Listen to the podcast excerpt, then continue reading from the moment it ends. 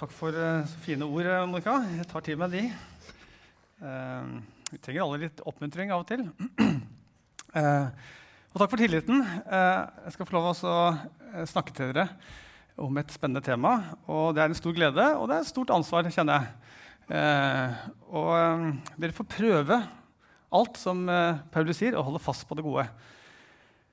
dagens tema det er altså Hele høst da, så har vi eh, fulgt eh, kirkeårets tekster. Eh, og så har vi kommet til den dagen som kalles for bots- og bønnedagen. Og faktisk er I dag er det også faktisk reformasjonsdagen, men nå valgte vi tekstene fra bots- og bønnedagen. Men jeg vet ikke hvor mange som vet hva det handler om. bots- og bønnedag. Jeg måtte i hvert fall sjekke litt opp. Men det var en dag da man fastet og ba for landet og bekjente synd, både individuelt og kollektivt, og måtte signalisert at vi ønsker å vende om. Um, og I middelalderen så var det jo fullt av sånne dager i kalenderen. Var, du skulle nesten ikke spise en eneste dag, så folk ble slanke. Men uh, så forsvant uh, denne tradisjonen med reformasjonen. Og som en ført inn igjen på 1600-tallet uh, av en litt desperat dansk-norsk konge som holdt på å tape i 30-årskrigen og trengte litt forbønn. Eh, og så har det variert når det har vært, men siden 1950 så har det ligget altså på siste søndag i oktober. Eh, men eh, hvor kommer ideen fra? Fordi den er faktisk ikke verken katolsk eller protestantisk. Eh, men det er en idé som kommer fra Gud, faktisk. Eh, og han instruerte Moses nemlig om å ha en sånn dag. Og Jødene de kaller det for Jom kippur. Og Det er den helligste dagen i den jødiske kalenderen. Og da faster man. Eh, de, alle de troende jødene de faster, og det er veldig stille i Israel. Eh, og man ber og omvender seg. Og På Jesus' en tid så var det den dagen hvor ypperstepresten eh, det var, Mens de fortsatt hadde tempelet Det ble jo ødelagt i år 70. Men hvis de hadde det, så bar han fram to lyteløse lam, eller værer, ett år gamle værer. Og så slaktet de det ene som et syndoffer, mens det andre det la han hendene sine på, symbolsk. Og Så overførte han synden fra hele Israelsfolket på denne bukken. Og fikk en sånn rød sløyfe rundt halsen som symbol på det. Og så sendte den langt ut i ørkenen. Og han hadde en kjempeviktig jobb, han som skulle føre denne, eh, denne jærværen langt ut. For at den måtte ikke komme tuslende tilbake. Så den var langt ut for å bli kvitt synden. Og så, eh, men så, vi som tror på Jesus, eh, vi tror jo at han var den endelige syndebukken. For det er der ordet det kommer fra. syndebukk. Eh, slik at eh, gir det da en mening å ha en bots- og bønnedag litt etter modell fra Jom Kippur i dag. Og Svaret kommer litt an på hva vi legger i begrepene. Og etter reformasjonen, som vi som sagt også feirer i dag, så fikk vi jo på en måte opp igjen denne eh, vissheten om at vi er frelst ved nåde alene, ikke ved gjerninger. Så dette botsaspektet det er kanskje ikke så relevant, bortsett da, fra i forhold til andre mennesker, der er det fortsatt veldig viktig å gjøre opp. Sant? Jeg husker da jeg var liten, så lånte jeg akebøtter til naboen og kjørte ned og knuste det i et tre. Uh, og så tenkte jeg det var jo dumt at jeg ikke leverte det tilbake. Så fikk jeg streng beskjed av mamma at nei, nå må du erstatte det. Jeg måtte gjøre bot. Jeg måtte måte gjøre opp for meg. Og det er det det betyr. Så vi kan legge saken bak oss og slippe å tenke mer på det. Eh, så det, her, det, har en plass fortsatt, det å gjøre bot. Men overfor Gud så er det ikke offer lenger nødvendig. Heldigvis. Eh, men en bønnedag, det er alltid bra. Fordi hva er bønn? Jo, det er å samvær med Gud. Og Gud elsker å være sammen med oss. Han lengter etter å være sammen med oss. Og han lengter etter å dele sitt hjerte med oss og gi oss hans perspektiv. Både på oss selv og på vår neste og på verden, sånn som vi ba i bønnen også. På skaperverket også. Og En slik dag det må jo være bra å ha, hvor vi minner oss hverandre om det. At vi skal få venne oss til Gud. Um, så uh, Jeg klarte ikke å velge, så jeg har med to tekster i dag. det er egentlig tre tekster i hver uh, tekstrekke. Uh, en GT, og en evangelietekst og en, en brevtekst. men hovedteksten er hentet fra 1. Johannes 1,8 og til kapittel 2,2, som faktisk du var inne på i, i bønnen din i starten her. Og det andre hentes fra Lukas evangelium, kapittel 18. Men eh, Jeg syns de utfører hverandre så godt, og derfor vil jeg ha med begge. Eh, men jeg legger nok mest vekt på den første. Eh, la oss høre hva Guds, oss, Guds, ord har å si oss i dag.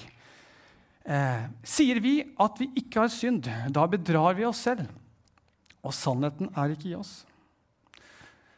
Men dersom vi bekjenner vår synd, er han trofast og rettferdig, så han tilgir oss syndene og renser oss for all urett. Sier vi at vi ikke har syndet, gjør vi ham til en løgner. Og hans ord er ikke i oss. Mine barn, dette skriver jeg til dere for at dere ikke skal synde. Men om noen synder, har vi en talsmann hos Far, Jesus Kristus, den rettferdige. Han er en soning for våre synder, ja, ikke bare det, men også for hele verden. Og Lukas 18, vers 9-14, der står det Til noen som stolte på at de selv var rettferdige, og så ned på alle andre, fortalte Jesus denne lignelsen. To menn gikk opp til tempelet for å be. Den ene var fariseer, og den andre toller. Fariseeren stilte seg opp for seg selv og ba slik.: Gud, jeg takker deg for at jeg ikke er som andre mennesker, de som svindler, gjør urett eh, og bryter ekteskapet, eller som den tolleren der. Jeg faster to ganger i uken og gir tiende av alt jeg tjener. Tolleren på sin side sto langt unna og ville ikke engang løfte blikket mot himmelen, men slo seg for brystet og sa, 'Gud, vær meg synder nådig.' Og Så svarer Jesus, 'Jeg sier dere, tolleren gikk hjem rettferdig for Gud, den andre ikke.' For hver den som setter seg selv høyt, skal settes lavt, og den som setter seg selv lavt, skal settes høyt. Slik lyder Herrens ord. I den neste lille halvtimen skal jeg prøve å pakke ut disse tekstene litt for oss, så vi kan få se litt av de dybdene og den visdommen eh, og den friheten som ligger i disse versene. Eh, og så tror jeg også vi skal se at det ligger noe ganske sånn eh, motkulturelt i det vi skal snakke om i dag. Eh, opprinnelig så hadde jeg satt som overskrift over dagens tema 'Et liv i omvendelse'. Og så lå jeg sånn kverna litt i natt, fikk ikke helt uh, sove så godt. Uh, og så uh, tenkte jeg jeg hadde lyst til å endre tittelen til 'Gleden i bekjennelse'. Gleden i bekjennelsen. Og så håper jeg du i løpet av dagens preken vil skjønne hvorfor. Fordi dette med omvendelse det er jo en sånn kristen praksis som vi finner i alle kirkesamfunn. Det har vi felles og i alle kristne sammenhenger. Det er en praksis som er helt essensiell i en disippel sitt liv. Og vi er jo disipler alle sammen. Jesus, altså først Døperen Johannes var veldig opptatt av det. Jesus snakket om det hele tiden. Eh, alle apostlene og Paulus snakket om det. Men også kirkefedrene. Augustin var veldig tydelig på det her. Og reformatorene. Alle snakket om omvendelse. Og hva er det som er så viktig med dette? da? Jeg tror Poenget er at vi gjør jo alle feil. Vi snubler og faller. Og når vi dummer oss ut, og når vi har gjort noe galt, og vi vet at det var vår skyld, hvordan skal vi da klare å reise oss igjen og kunne gå videre eh, i enda større styrke og glede enn før? Det er liksom den hemmeligheten vi skal prøve å finne ut av sammen i dag. Eh, jeg skal prøve å gjøre det så praktisk som jeg klarer. og Jeg er ikke sånn superpraktiker, men jeg jobber med saken. Eh, gjennom å svare på fire spørsmål eh, med utgangspunkt i dagens eh, tekster. Nemlig hvorfor skal vi omvende oss? Hva er det vi skal bekjenne? Og eh, hvordan er det vi kan bekjenne? Og til slutt, hvorfor funker det å bekjenne? Eh, og som du kanskje har lagt merke til allerede, så blander jeg her altså disse to ordene. Bekjennelse og omvendelse. Eh, homologein og metanoia på gresk. Det er to forskjellige ord, men jeg bruker dem om hverandre. Og det er litt sånn bevisst, for jeg mener at de hører naturlig sammen. Fordi eh, det er ikke en troverdig bekjennelse hvis ikke det også fører en omvendelse. Og hvis det er behov for å omvende seg, så er det nesten alltid også behov for å bekjenne noe. Sånn at de henger sammen. Eh, og Som innledning til det første av disse fire punktene mine så må jeg bare gi litt kontekst til eh, hovedteksten vår i dag, fra 1. Johannes brev. Og, eh, det ligger jo i navnet da, at eh, tradisjonen vil ha det til at eh, det var apostelen, eh, Jesu disippel Johannes, som skrev dette brevet. Han er ikke oppgitt med navn i brevet, men det passer bra med innholdet og de andre brevene, sånn at eh, vi regner med at han er forfatteren. Um, og han uh, mener jo sjøl at han var den aller closest på Jesus. Han sier det sjøl. Uh, og det er kanskje ikke så rart at han tenker sånn, fordi Jesus, når Jesus hang på korset og var bekymra for mora si, åssen det skulle gå med henne når han døde, så betrodde han jo ansvaret for henne til Johannes. nettopp Johannes. Johannes var kanskje den yngste av disiplene, tror mange av forskerne. Og han var den eneste som ikke døde eh, en martyrdød eh, etter tradisjonen. Så han var nok ganske gammel da han skrev det her. Kanskje så mye som oppi 80-åra. Eh, og kanskje skrev han det for Efesos, vi er ikke sikre. Men han, og vi vet ikke helt sikkert hvem han skrev til, men det var nok et knippe menigheter. Men vi vet hva utfordringene var. De opplevde at vranglare var på vei inn i, i menighetene. Og eh, Det handlet om de evinnelige grøftene som vi har gått gjennom opp gjennom historien. Det var på den ene siden en loviskhet. At uh, Vi må fortsette å følge Moseloven, og vi må piske oss selv. Og vi må uh, liksom leve i streng askese og nekte oss selv mat og sex og, uh, fordi kroppen er noe dårlig. Og så var det den andre grøften, en sånn antinomisme. altså Vi trenger ikke lover, alt er lov. Vi trenger ikke å vende oss for noen ting, fordi kroppen er uansett. Den skal dø, så hva vi gjør med den, har ingenting betydning. Og Begge disse tingene kommer ut av gnostisismen som er et sånn sterkt skille mellom ånd og kropp. og dualistisk verdensbilde, eh, hvor det var ånden som var viktig, og den var fanget i denne skitne kroppen, som var skapt av demiurgen, en sånn undergud. Eh, og så gjaldt det å frigjøre ånden fra denne kroppen, og da var det ikke så farlig med kroppen. Eller vi måtte eventuelt undertrykke kroppen veldig hardt. To sånne grøfter som vi kanskje kjenner på litt i dag også. Eh, mange av oss. Jeg tror det er noe i vårt samfunn i dag som kanskje vi er mer den ene enn den andre grøften. Eh, men Johannes tar kraftig oppgjør med det her. Eh, og eh, han er jo kjærlighetens apostel, så budskapet hans dreier seg mye rundt at vi må leve i Guds kjærlighet. Og hvorfor det? Jo, fordi at vi skal kunne ha fellesskap med Gud, et intimt fellesskap med han, men også fellesskap med hverandre. Det er det som ligger ham på hjertet. Og da må vi holde fast ved det, det uforfalskede evangeliet. Eh, og da har vi egentlig begynt å svare på det første spørsmålet vårt. Hvorfor trenger vi omvendelse?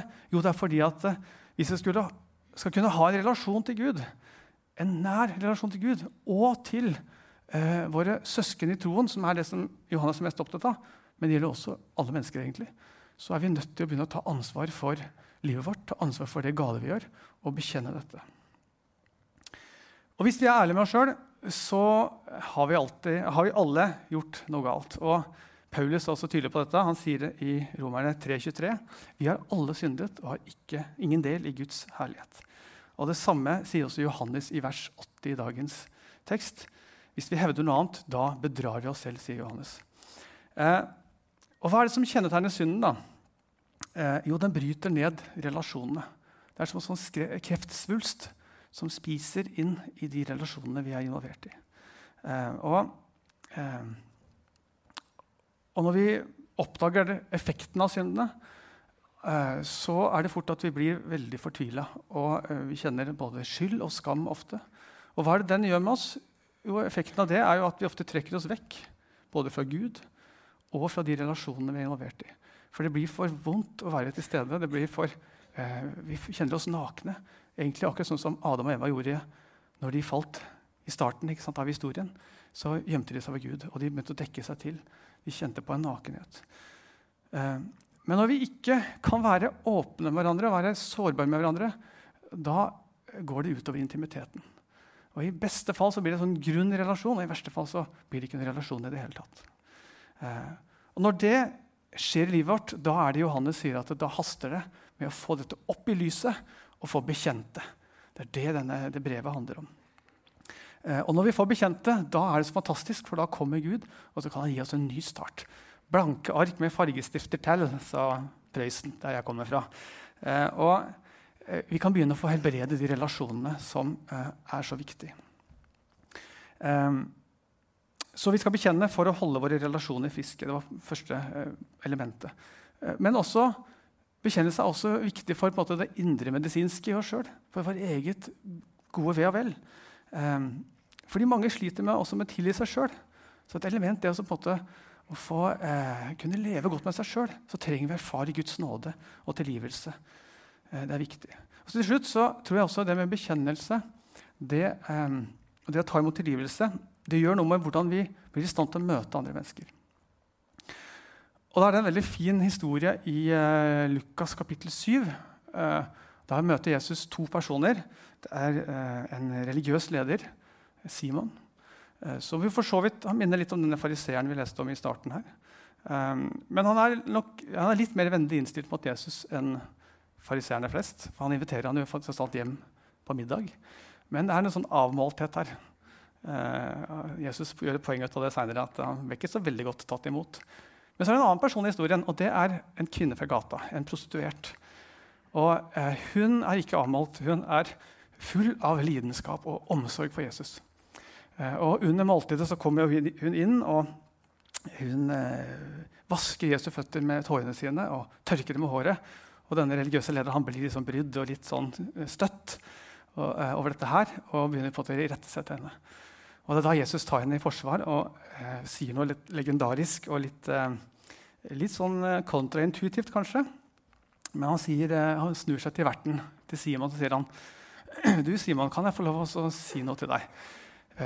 vet du hvorfor denne kvinnen har mer lidenskap og kjærlighet enn det du har? sier han den som har fått tilgitt lite, han elsker lite. Wow. Eller vi kan snu det på hodet, sånn som Jesus gjør et annet sted. Den som elsker mye, nei, den, som har blitt tilgitt mye, han elsker mye. Og eh, jeg tror det er noe vi kan ta til oss i dag. Altså, har du fått erfare mye tilgivelse i livet ditt, så er det lettere å gi det videre til andre. Jeg tror det er poenget til Jesus. Og jeg tror egentlig, ut fra den bibelteksten her og, og, resten av Bibelen, så kan vi dele alle mennesker i verden inn i tre kategorier. Det er alltid vågalt å gjøre det, men vi, vi, prøver. Og Den ene kategorien det er de som eh, tenker at eh, jeg trenger egentlig ikke tilgivelse. Jeg, ok, Ingen er perfekte, og sånn, en gang iblant, det er greit med litt tilgivelse, men, men noe sånn grunnleggende tilgivelse det, det trenger ikke jeg. Jeg er jo i hvert fall bedre enn de folka der, og jeg er ikke så gal som naboen. Så det er, er ikke så verst. Eh, og så er det den gruppa som tenker at eh, vet du hva, for meg er det ikke håp. Jeg er for dårlig. til, altså jeg, Ingen kan tilgi meg. Og så har du de, den siste gruppen som jeg håper at vi kan være del av, som har innsett at eh, vi trenger virkelig tilgivelse. Ja, kjære Gud. Men vi har også fått det. Fantastisk. Eh, og da er man salig, ifølge kong David. Han skriver i en av salmene sine, jeg tror det er salme 32, ja. Eh, salig er de som får sine lovbrudd tilgitt og sine synder skjult. Hva er noe salig? Det er sånn, litt sånn fremmedord kanskje for oss i dag. Men det betyr å være tilfredsstilt, å være i harmoni, å være lykkelig, om du vil. Um, og er det noe vi alle lengter etter, så er det vel akkurat det. Å kunne erfare det. Så jeg har lyst til at vi skal oppmuntre alle til å være den siste typen.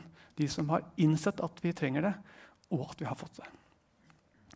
Uh, og hvis, eh, hvis, du merker at du er litt, sånn, er litt sånn hard mot andre, har litt vanskelig for å tilgi, er litt lite sjenerøs, så kanskje du skal meditere litt over hva Jesus har gått gjennom for deg.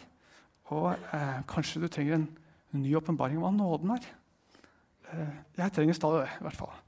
Fordi den som er tilgitt mye, han elsker oss mye, sier Jesus. Eh, punkt to. Hva er det vi skal bekjenne? Hva er det vi skal omvende oss fra? Det er viktig å få klarlagt. Og Det er kanskje ikke en sånn kjempe 10 000 kroner spørsmål. Det er jo synden. Men eh, hva er synd? Det er kanskje litt verre. Eh, og Synd kan defineres på så mange måter. og eh, Bibelen har også ulike innfallsvinkler på det. Men en definisjon handler om at det handler om å bryte Guds bud. Det er iallfall sånn Johannes sjøl definerer det i sitt brev i kapittel 3. Og I første Mosebok, eh, når Gud sier til Adam og Eva ikke spis av kunnskapens tre, og menneskene likevel gjør det, så er det på en måte tydelig eh, den typen synd vi bryter Guds bud. Eh, men så er det det at det, er ikke så enkelt som så. fordi at i bergprekenen så gjør Jesus det litt mer komplisert. Og så eh, sier han det at det er ikke bare liksom, de syndige handlingene som er problemet, men det er også hjertets motiver. Det som driver oss til å gjøre disse tingene, det er også synd. Oh, eh, og, men hva er da denne essensen i hjertet som driver oss til å leve slik at vi bryter Guds bud? Eh, og jeg tror det ligger en liten hemmelighet når vi ser på hva slangen sa til Eva i hagen. Eh, fordi han har en sånn snedig inn, inngangsvinkel, denne slangen. Han benekter jo ikke Guds eksistens. Ikke sant? Eh, men hva gjør for det? han sår inn noen små løgner, og så begår han egentlig et karakterdrap på Gud. For han sier at eh, dere skal visst ikke dø, sier han. Altså, Gud snakker ikke sant. Eh, nei, dere skal selv bli som Gud. Hmm. Og da har bibelkommentatorene opp gjennom historien påpekt at eh, her ligger en nøkkel. Eh, fordi det er jo litt dette vi egentlig alle ønsker. Vi ønsker å bli som Gud. Eh, vi vil bestemme selv, nemlig. Vi vil ta den plassen som bare Gud skal ha. Vi setter oss selv i sentrum, og så gjør vi oss selv til øverste autoritet. Vi prøver å samle ære til oss selv istedenfor til han som fortjener det. Eh, så du kan si at synd det er egentlig å være selvsentrert. Det er å sette seg selv i Guds sted. Eh, det er å la alt rotere oss rundt oss sjøl istedenfor rundt Gud, sånn som C.S. Lewis pleide å forklare det. Eh, synd er å være vår egen frelser og vår egen herre. Eh, så under hvert enkelt lovbrudd som vi liksom lett å tenke på når tenker på synd, så ligger det et mye dypere problem. En slags sånn ursynd, eller arvesynd, som vi sier på norsk, eh, som vi alle er bærere av. Eh, og som handler om en sånn eh, grunnleggende mistillit til Gud, egentlig. Martin Luther han sier det her veldig treffende i sin bibelkommentar til eh, Romerne 7. Eh, han snakker om at eh, menneskenaturen er incurvatis in se. Det er latin. Det betyr innkrøket i seg selv. Vi er så, så selvsentrerte, sier Luther, at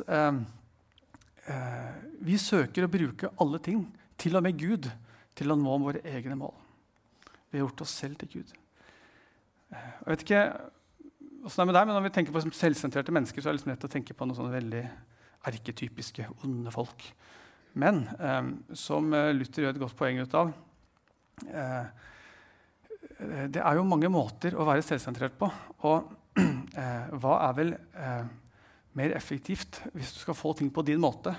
Eh, få ære til deg sjøl. framstå liksom, elskverdig Eh, få oppmerksomhet er ved å gjøre gode gjerninger. Ved å være bedre enn de andre, ved å være mer raus enn de andre. Mer spandabel, mer selvoppofrende. Det kan også være en måte å være selvsentrert på. Og, da, og det er litt sånn egentlig, Veldig mange, mye religiøs aktivitet handler litt om det. Vi tenker at det, eh, Hvis vi bare følger disse reglene, hvis vi går i gudshuset, hvis vi ber til denne guden, så må jo han svare oss. Eh, da må vi få det sånn som vi vil ha det. Og så prøver vi egentlig på en måte å tvinge Gud til å gi oss det vi vil ha. Eh, og så prøver vi å manipulere Gud. Eh, og da gjør vi Gud på en måte til et middel. Eh, jeg vet ikke om du har tenkt sånne tanker. Jeg må innrømme at jeg har gjort det noen ganger. Kanskje du har hørt noen andre si det også høyt. at her lever jeg som en god kristen og gjør alt og liksom står på. Og så svarer ikke Gud på bønnene mine. Hva er, det liksom, hva er vitsen med å være kristen, egentlig? Jeg må innrømme jeg har tenkt den tanken et par ganger. opp gjennom historien. Og det er jo ganske avslørende, for hva er det som skjer da? Jo, da har jeg egentlig satt eh, på det, mine egne behov og ønsker øverst. Og så har Gud blitt et middel til å nå disse. Og Hvis ikke han vær så god stiller opp og innfinner seg med å eh, svare på mine bønner, så kan det være det samme. Da er det ikke lenger Gud som er Gud. Vi har redusert ham til et middel. Men Gud ønsker ikke å være et virkemiddel. Han ønsker å være vårt endelige mål. Så ut fra jeg har sagt nå, ser du at du kan både, Synd kan både handle om å bryte loven, men det kan også handle om å holde loven. Det kommer an på innstillingen du har. Um, hvis du er selvsentrert. Um, men hvordan skal vi, dette gjelder jo oss alle, da, ifølge Luther. Hvordan kommer vi oss ut av det her? Eh, ja, nei, Det er ikke så lett, men det er da vi har Den hellige ånd. Og det er da vi har omvendelsen. Og vil, hvis vi lytter til han, så vil han kunne eh, justere oss når vi er på vei ut av fokus igjen og sporer av. Og så har jeg lyst bare, Før jeg går på neste punkt, veldig kort eh, slå et slag for kanskje det mest upopulære kristne dogme, nemlig dogme om eh, arvesynden. Jeg nevnte det i stad. Men jeg tror, selv om mange misliker det, så tror jeg det er konsekvensene av å tro på dette er superviktige. Fordi Fariseeren i dagens tekst han hadde ikke skjønt dette med arvesynd. Og jeg tror ganske mange sekulære mennesker i dag kunne også trenge seg et lite dypdykk i eh, læresetningen om arvesynd. Eh, fordi hvis vi ser rundt oss i mediebildet og debattbildet i samfunnet i dag så er det en sånn nådeløshet. Eh, og eh, det være seg Woke-bevegelsen eller metoo-kampanjen eller cancel culture, som brer om seg nå. Er liksom, Engasjementet for en rettferdig verden er jo bra, men det blir en sånn nådeløshet. Null tilgivelse. Og en sånn tanke om at vi kan finne liksom problemet hos de andre. Vi kan plassere ondskapen hos de andre i systemet.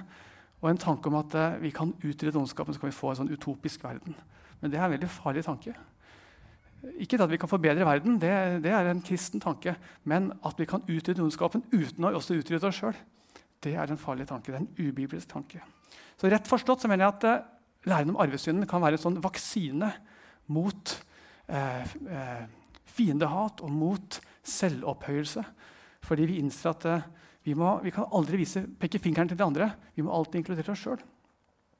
Og da er det ikke så lett å forakte og ta det ned om våre motstandere eller våre neste. Så, Punkt tre. Hvordan skal vi omvende oss? Eh, her skal jeg gi fire skritt som jeg tror er viktig til det. Og Teksten i dag gir ikke, ikke sånn kjempemasse hjelp, her, men Bibelen gir oss mange gode svar. så jeg trekker litt breiere inn nå. Eh, jeg tror vi må lære å skille mellom falsk og ekte skyld. Eh, jeg vet ikke, jeg syns jeg stadig vekk hører flere folk si noe sånt som det her at jeg står for det jeg har gjort. Eh, det er et sitat av en 46 år gammel eh, drapsanklaget mann. Eh, jeg vet ikke hva det betyr å stå for det man har gjort. Men ok. Eller jeg angrer ikke noe i livet, jeg ser bare framover. Det var Donald Trump som sa. Det virker som stadig flere har en sånn innstilling at det gjelder å liksom ikke angre og bare se framover. Og så skjønner jeg det at det er ikke det som om vi skal dvele ved nederlagene våre. Liksom, og, og, det er ikke det jeg mener, Men det å ikke liksom, angre noe, det er en sånn fremmed tanke for Bibelen. Uh, fordi anger er helt sentralt. For, og det er en forutsetning for å få lov å ta imot Guds nåde. Og det er først da vi får lagt av den synden som tynger, at vi virkelig kan gå framover og løfte blikket og ha håp for framtiden. Så hvordan kan vi da skille mellom ekte og falsk skyld? Det er ganske viktig i, i, når vi snakker om omvendelse. Og da trenger vi Jeg kan ikke skjønne hvordan vi kan klare det uten å ha et slags en sånn loddesnor, et vater, en sånn, en sånn ekstern standard som vi måler oss opp imot.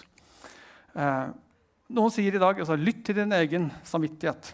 Ok, Men hvordan vet vi om samvittigheten vår funker? da? Eh, noen har jo altfor sensitiv samvittighet. De tar jo på seg alle folks forventninger og, og krav. Mens noen har jo en altfor sløv samvittighet og burde virkelig liksom, reagert mye før. Eh, og det postmoderne budskapet er jo Ingen skal fortelle meg hvordan jeg skal leve livet mitt. ikke sant? Eh, jeg må være tro mot meg selv. Jeg må lytte til hjertet. ikke sant? Men er vi så sikre på at et hjertet vårt er så edelt som folk vil ha det til? Eh, Bibelen er ikke så sikker på det. Faktisk sier de det motsatte. I Jeremia så står det at uh, hjertet er mer svikefullt enn noe annet. Det kan ikke helbredes. Hvem kan forstå det? Uh, så det å stole på sitt eget hjerte jeg vet ikke om det er et sjakktrekk. Uh, Hitler følte sikkert også hjertet sitt, men alt vi ønsker og vil gjøre og tror er bra, er jo ikke nødvendigvis riktig og sant. er det det? Så, for vi er jo falne mennesker i en fallen verden. Og derfor trenger vi altså en, en autoritet som vi kan måle oss opp imot, og det er Bibelen. Det kan hjelpe oss å skille mellom ekte og falsk skyld. Fordi ekte skyld den blir bare kvitt på én måte, og det er å bekjenne den og ta imot tilgivelse. Falsk skyld blir bare kvitt på en annen måte, det er å sparke den ut. Og Hjelp til det kan vi få gjennom samtaler med vise mennesker og lese Bibelen og lytte til god forkynnelse, så vi får på en måte justert tanken vår til bibelsk tenkning. Og så, eh, Punkt to under eh, hvordan det er vi må lære å skille mellom virkelig anger og eh, bare sånn eh, selvmedlidenhet over konsekvensene av synden vår. Fordi eh, også psykopaten kan jo bli lei seg når han blir avslørt. Men det er jo ikke noe anger der. Det er forskjell på de tingene der. Eh, og Hvis vi skal erfare de fruktene som kong David snakker om, den saligheten, så må omvendelsen stikke dypere enn bare at vi er lei oss for konsekvensene. Eh, vi må innse at synden i seg sjøl er et problem. Den er ond i seg sjøl. Sånn som David snakker, han snakker om at Jeg bekjenner syndens syndighet, står det på grunnteksten. Syndens syndighet. Altså, det er i seg sjøl galt. Det er ikke bare at det var kjipt at det skjedde. Um, og så sier Gud til David videre i den salme 32 uh, at når du har bekjent din synd, så vil jeg veilede deg øye til øye, ansikt til ansikt. Jeg vil ikke at du skal være som et sånn esel som bare går dit jeg vil fordi jeg drar liksom i bisselet og sparker og pisker. Eh, du skal gjøre det ut av et, et, fritt hjerte som ønsker å følge meg fordi du har tillit til meg fordi du ønsker å behage meg og følge min vilje. Eh, så det er noe vi må, vi må huske på. Så vi, altså, vi, må skille mellom falsk og ekte skyld, og vi må skille mellom ekte anger og bare eh, med selvmedlidenhet. Og punkt tre så må vi endre perspektiv. Og det er viktig, og det har vi jo på en måte allerede kanskje begynt litt på ved at vi har en ekte anger. Eh, men hvis du ser på ordet som er brukt, eh, bekjennelse på gresk, det er homolegein. Altså homo, lik, logos, ord. Å tale likt. Å si det samme som. Eller billigere talt, altså, ta på seg noen andre sine sko, stå i deres sted, gå sammen med noen. Sette seg inn i åssen det oppleves for den som har blitt begått uretten mot.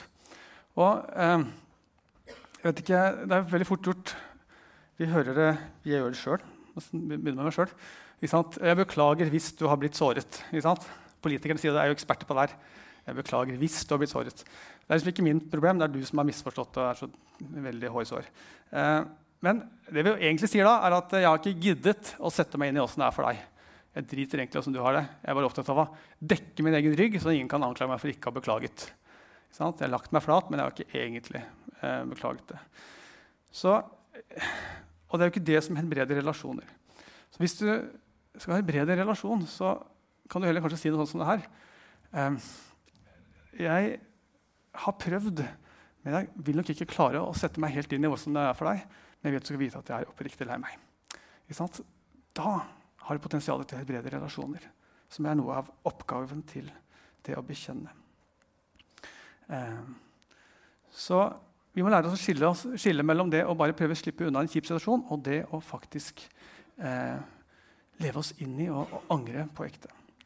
Og så siste punktet. Hvordan eh, omvende seg?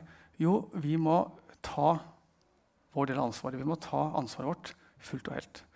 Eh, ikke si sånn som eh, det er fort gjort å si. Eh, Ok, jeg gjorde ikke alt rett, men det var de som begynte. Eller jeg har bare 20% av ansvaret, de andre har 80 feil. Eh, det kan så være, men vi må ta ansvar for vår del. Og eh, En sånn ansvarsfraskrivelse det vil heller ikke helbrede relasjoner, verken til mennesker eller til Gud. Vi må ta ansvar for oss sjøl. Eh, eh, jeg har veldig sans for Jonathan Sachs. Han er død nå. Det var sjefsrabbiner i Storbritannia. Og han pleide å si, eh, han var veldig opptatt av det med ansvar. og Det ligger også veldig tungt inn i jødedommen. Eh, men han sier at det menneskets adelsmerke eh, det er at vi har evne til å ikke følge våre instinkter. Vi har evne til å ta moralske valg, og derfor er vi ansvarlige. Og det å ikke holde et menneske ansvarlig, det er faktisk dehumaniserende. Det undergraver menneskeverdet. Eh, og så når vi tar ansvaret da, for oss sjøl og våre handlinger, så ikke bare får vi respekt av de rundt oss, for det, det får du hvis du tar ansvar, men du også lever ut din gullbild, gull, gudbilledlikhet. vanskelig ord. Altså imagio dei på latin. Altså, vi, vi er jo skapt for å gjenspeile Gud, for å ligne Gud. Og det lever vi ut når vi tar ansvar for Gud. Han tar ansvar. Og da kan vi jo erfare den saligheten som David snakker om. Helt til slutt Siste punkt. Hvorfor funker det å bekjenne? Hvorfor funker det å omvende seg? Eh, hvorfor kan vi bli tilgitt? Og det er jo evangeliet. Eh, og menneskeheten, representert ved Adam og Eva, de ble lovet velsignelse og et godt liv hvis de holdt seg vekk fra treet i hagen. Men de klarte ikke. Jesus han ble lovet forbannelse og lidelse hvis han var villig til å la seg klynge til treet. Og han var villig. Eh, så gjennom at eh, Adam Jeg er lettrørt. eh, gjennom at Adam spiste av det treet, så tok han til seg den løgnen fra djevelen, en mistillit til Gud, og som vi alle har med oss videre. Og så måtte det en ny Adam og et nytt tre, korset, for å ta løgnen ut av hjertet vårt. Eh, så mens Jesus da fikk det som bare vi fortjente, så fikk vi bare det som Jesus fortjente. Og det er en fantastisk byttehandel. Eh, og det er det som gjør at Gud kan tilgi oss. Det er ikke slik at det er fordi vi bekjenner, fordi det vi presterer, at Gud kan tilgi oss. Det er veldig tydelig i syntaksen i, i, eh, på det greske grunnteksten av 1. Johannes brev. Det er ikke derfor vi kan bli tilgitt fordi det Jesus gjorde, og fordi Gud, Gud er trofast. Det er det som er grunnlaget for at vi blir tilgitt. Men hvorfor da bekjenne? Jo, fordi at eh, da tar vi imot det, og da gjenoppretter vi relasjoner. Eh, det er poenget med bekjennelsen. Og så er det, er det noen som sier det at jeg har prøvd og prøvd og prøvd, og jeg får blir ikke kvitt skyldfølelsen. Og jeg har vært inne på det med falsk skyld. ikke sant? Da må du kanskje få hjelp til å legge vekk det hvis det er det. Men det kan også være en annen grunn. Kan det hende at vi har gjennom bevisst eller ubevisst på en måte erstattet Gud med noe annet på toppen i livet vårt? Eh, kanskje vi har fått en ny herre. Eh, det kan være andre menneskers forventninger. Eller det kan være våre egne krav og ambisjoner. Så selv om Gud tilgir oss, så er det ikke det bra nok. For vi lever ikke opp til den standarden som virkelig teller. Og Hvis det, eh, det gjelder deg, så kan du også få lov å bekjenne det. Og eh, legge det bak deg. Eh, så handler det om å få hierarkiet på plass igjen. At Gud skal være øverst. Eh, for det er det eneste som funker. Og så må vi flytte identiteten vår fra det vi selv kan få til, over til at vi er Guds barn og eh, det Jesus har gjort for oss. Eh, og så, helt Avslutningsvis så har jeg lyst til å stille oss to litt sånn selvransakende spørsmål. Um, og de er like mye til meg selv som til dere. Og jeg vil at du skal grunne litt på det når de skal gå og synge en sang ganske snart. Skal du få kjenne litt etter. Eh, fordi er du en sånn person som det går an å bekjenne til, som det går an å innrømme sine feil til, eller elsker du å pirke på andres svakheter for å framheve deg sjøl. Kanskje dekke dine egne svakheter ved å framheve andres svakheter. Um, eller på den andre siden er du en sånn person som det går an å irettesette på en trygg måte. Det går an å gi en tilbakemelding til. Eller er det sånn som noen er, at det, de bare går rett i taket og eksploderer i sinne og selvforsvar? Eller man går rett i kjelleren og bare lufta går helt ut av deg. Og så må man bare si at 'beklager, jeg mente det ikke'. For man tåler ikke å ta imot. Uh, jeg vet ikke det er for deg, men Hvis du kjenner deg igjen i de beskrivelsene her, kanskje det har noe med hvor du har identitet. Hvem er det du lar på en måte dekke deg? Er det dine egne fasader, eller er det Jesu forsoningsverk? Og Hvis du kjenner deg igjen i det, så det ikke, trenger du ikke å ha det sånn for evig og alltid. Vi kan ta tak i det. Vi kan begynne i dag. Um, vi er her for hverandre, og det er forbedere her borte etterpå. Og du kan få lov å, la Jesus få lov å lege noe av det inni deg når du flytter identiteten din til, eh, fra det du kan prestere sjøl, til uh, det vi har fått i Jesus. Um, og så kan jeg gi til at Tilgivelsen ligger klar hver gang du vender om. Hver gang. Og da blir det lettere å reise seg, det blir lettere å innrømme feil. Og det blir ikke så fristende å påpeke alle, alle andres feil. Eh, vi kan få hvile heller i din tålen. Eh, la oss avslutte med en bønn.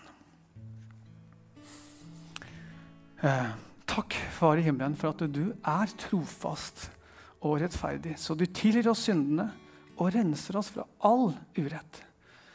Og takk at når vi kommer til deg, så kan vi få en ny start, nye sjanser. Alltid, Herre. Eh, hjelp oss å holde fast i din nåde, slik at livet ikke blir en prestasjon, Herre men en intim og spennende vandring med deg.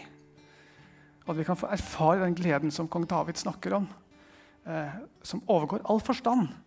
Den gleden, den ønsker vi å ha, Herre. Amen.